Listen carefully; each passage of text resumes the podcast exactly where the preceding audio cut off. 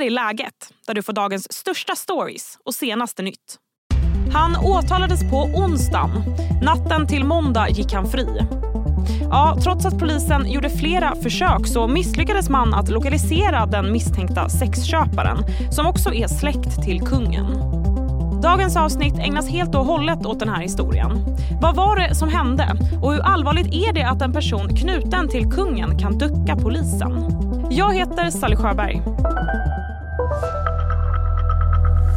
Först i studion så finns Expressens krimreporter Katrin Krantz. Hej Katrin. Hej hej. Ja, men, eh, vi ska snart dra hela den här storyn men, men först så ska vi förtydliga lite. Vem, vem är den här mannen och vad är hans koppling till hovet?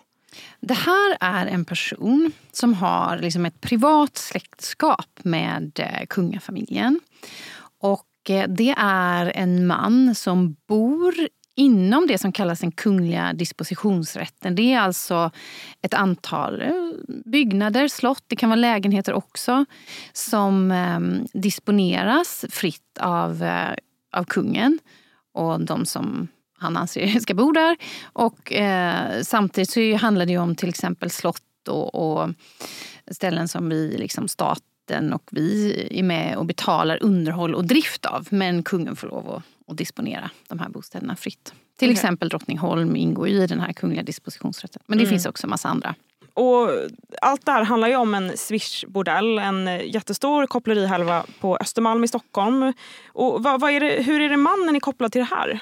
Han misstänks ha varit en av kunderna där har kommit dit och köpt en sexuell tjänst. Det är det polisen anser att han har gjort. Och det ser man genom att han har kommit dit, först eh, swishat eh, Eh, en mindre betalning och sen efter, efteråt så har han swishat en större summa. Och då har man haft en kan man säga, vägledande dom. Det var en man som nekade till sexköp, hade dubbelswishat och han friades i tingsrätten. Det överklagades, han dömdes i hovrätten mot sitt nekande. Och den här domen blev vägledande. Så när den kom så bestämde sig för polisen för att liksom köra med ett stort antal fall från, den här, från det här utredningsmaterialet. Och där är den här eh, släktingen till eh, kungafamiljen är en av de personerna. Och det hela blev väldigt stressat sen när polisen skulle delge den här mannen stämningsansökan. Eller hur? Ja, men den här utredningen har tagit tid. Har, dels då har man väntat på den här vägledande domen och sen så har man eh, liksom satt igång utredningar efter det. Och då har, I det här fallet eh, så kan man säga att åklagaren i det här fallet berättar att den här mannens advokat han har haft flera olika eh, synpunkter under utredningens gång som har fördröjt utredningen lite. Det har varit alltså att han har velat att eh, man ska göra ytterligare utredningsåtgärder och sådär. Så det här preskriptionsdatumet är ju fast. Och under utredningens gång så har man liksom det här datumet kommit allt närmare. Så när det väl var dags att åtala den här mannen så var det, ja, var det tre dagar mm, kvar. Fyra, fyra ah, dagar kvar. Ah. Så att ehm, då var det ju bråttom. Och det skrev ju åklagaren också i, på stämningsansökan. Till tingsrätten så står det obs preskriptionsdatum liksom, den 12 november var det då. Så polisen hade alltså bara fyra dagar på sig att eh, hitta den här mannen. Och det blev en intensiv jakt. Vi ska snart eh, prata om det här. Men först så blir det en kort nyhetsuppdatering. Idag möttes statsminister Ulf Kristersson och S-ledaren Magdalena Andersson i en partiledardebatt. Under debatten sa Kristersson så här. Det finns en terrorromantik i vissa S-kretsar som borde besvära S-ledaren. Något som fick Magdalena Andersson att reagera starkt. Det är en fruktansvärd anklagelse, Ulf Kristersson. Du är landets statsminister. Hur kan du göra så här? Och vi fortsätter med mer politik. För turerna kring NATO-frågan, ja de fortsätter. Idag kom uppgifter om att Ungerns parlament fortfarande inte är redo att ratificera den svenska NATO-ansökan. Tidigare har premiärminister Viktor Orbán sagt att ett ungerskt godkännande bara handlar om en teknikalitet eftersom att frågan redan har debatterats och behandlats i utskottet. Men senaste tiden så har tongångarna låtit annorlunda och omröstningen har flera gånger skjutits på framtiden.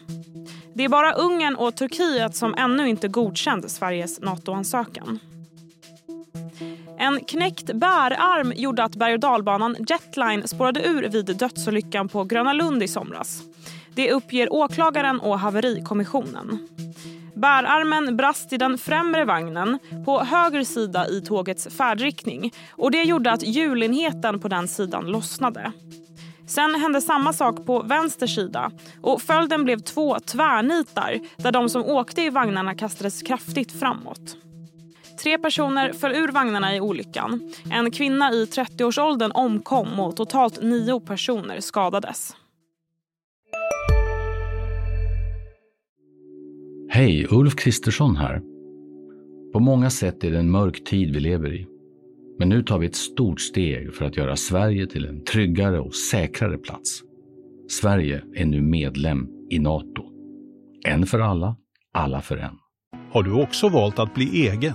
Då är det viktigt att skaffa en bra företagsförsäkring. Hos oss är alla småföretag stora och inga frågor för små. Swedeas företagsförsäkring är anpassad för mindre företag och täcker även sånt som din hemförsäkring inte täcker. Gå in på swedea.se företag och jämför själv.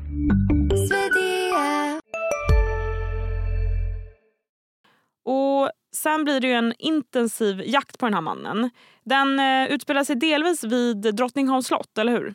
Ja, eh, det är ju då delgivningsenheten på polisen som eh, eh, söker efter den här mannen. När man inte får tag på honom på vanligt sätt först, så ja, mejl, telefonsamtal och så vidare, så, så ger man sig ut och letar efter honom på olika adresser helt enkelt som kan kopplas till honom. Och det här är ju personer som är experter på att hitta människor som inte vill bli hittade.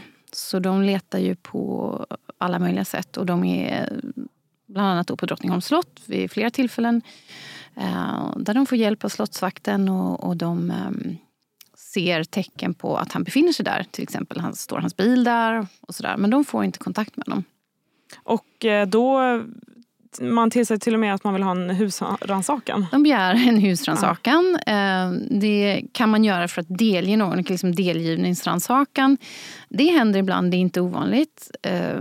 Men det är kanske inte jättevanligt heller. Framförallt inte på ett sånt här ställe, en sån här adress. Det är ganska exceptionellt att man begär om en husrannsakan på Drottningholms slott.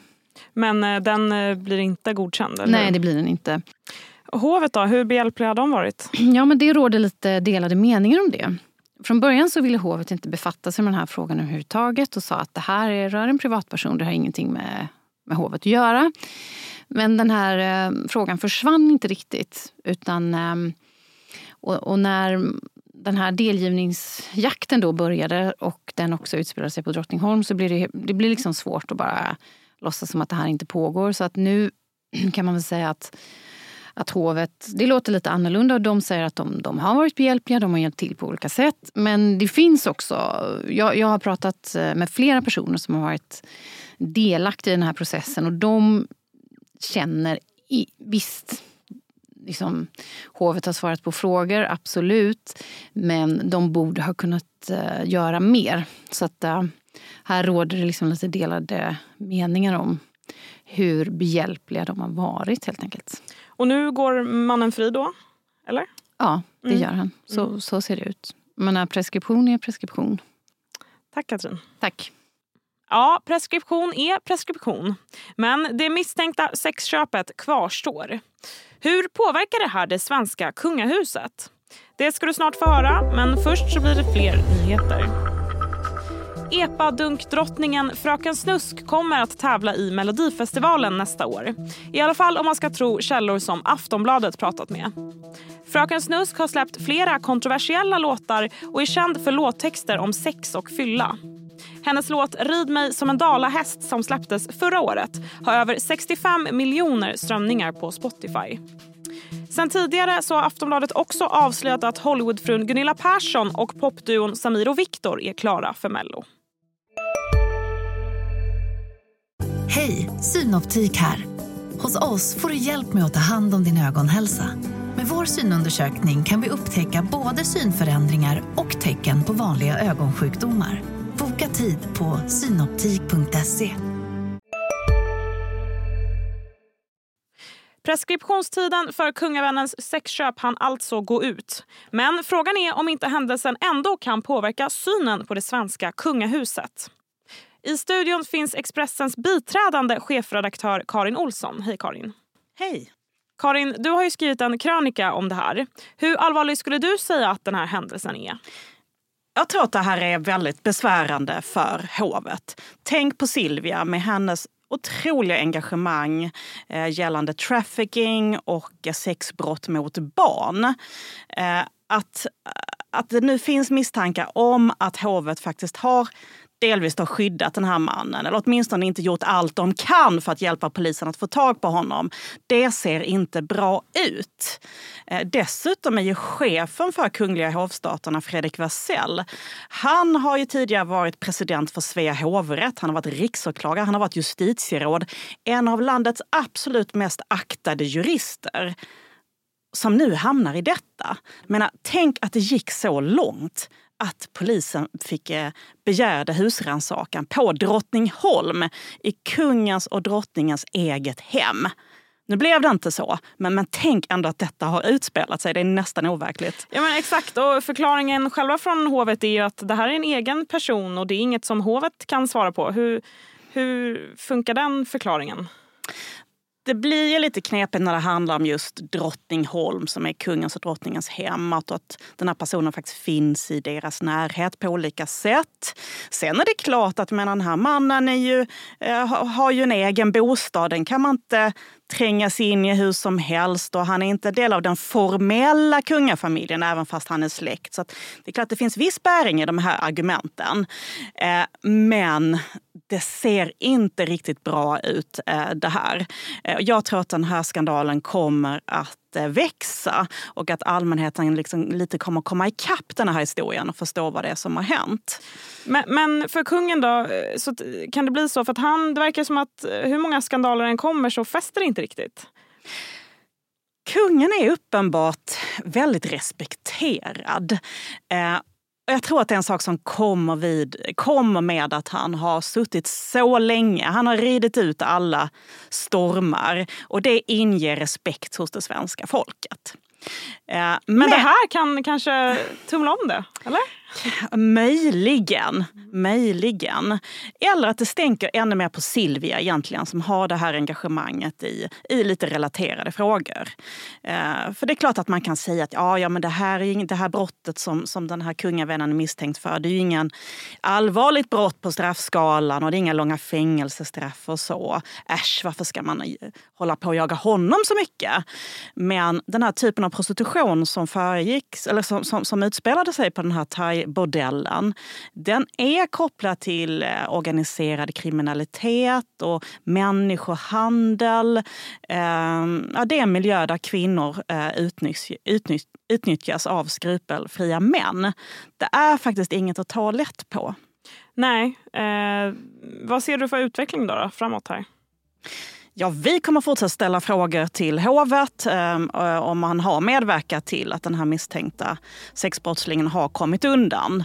Eh, och ställa frågor till Fredrik Wersäll, chefen för Kungliga hovstaterna. Vad anser han?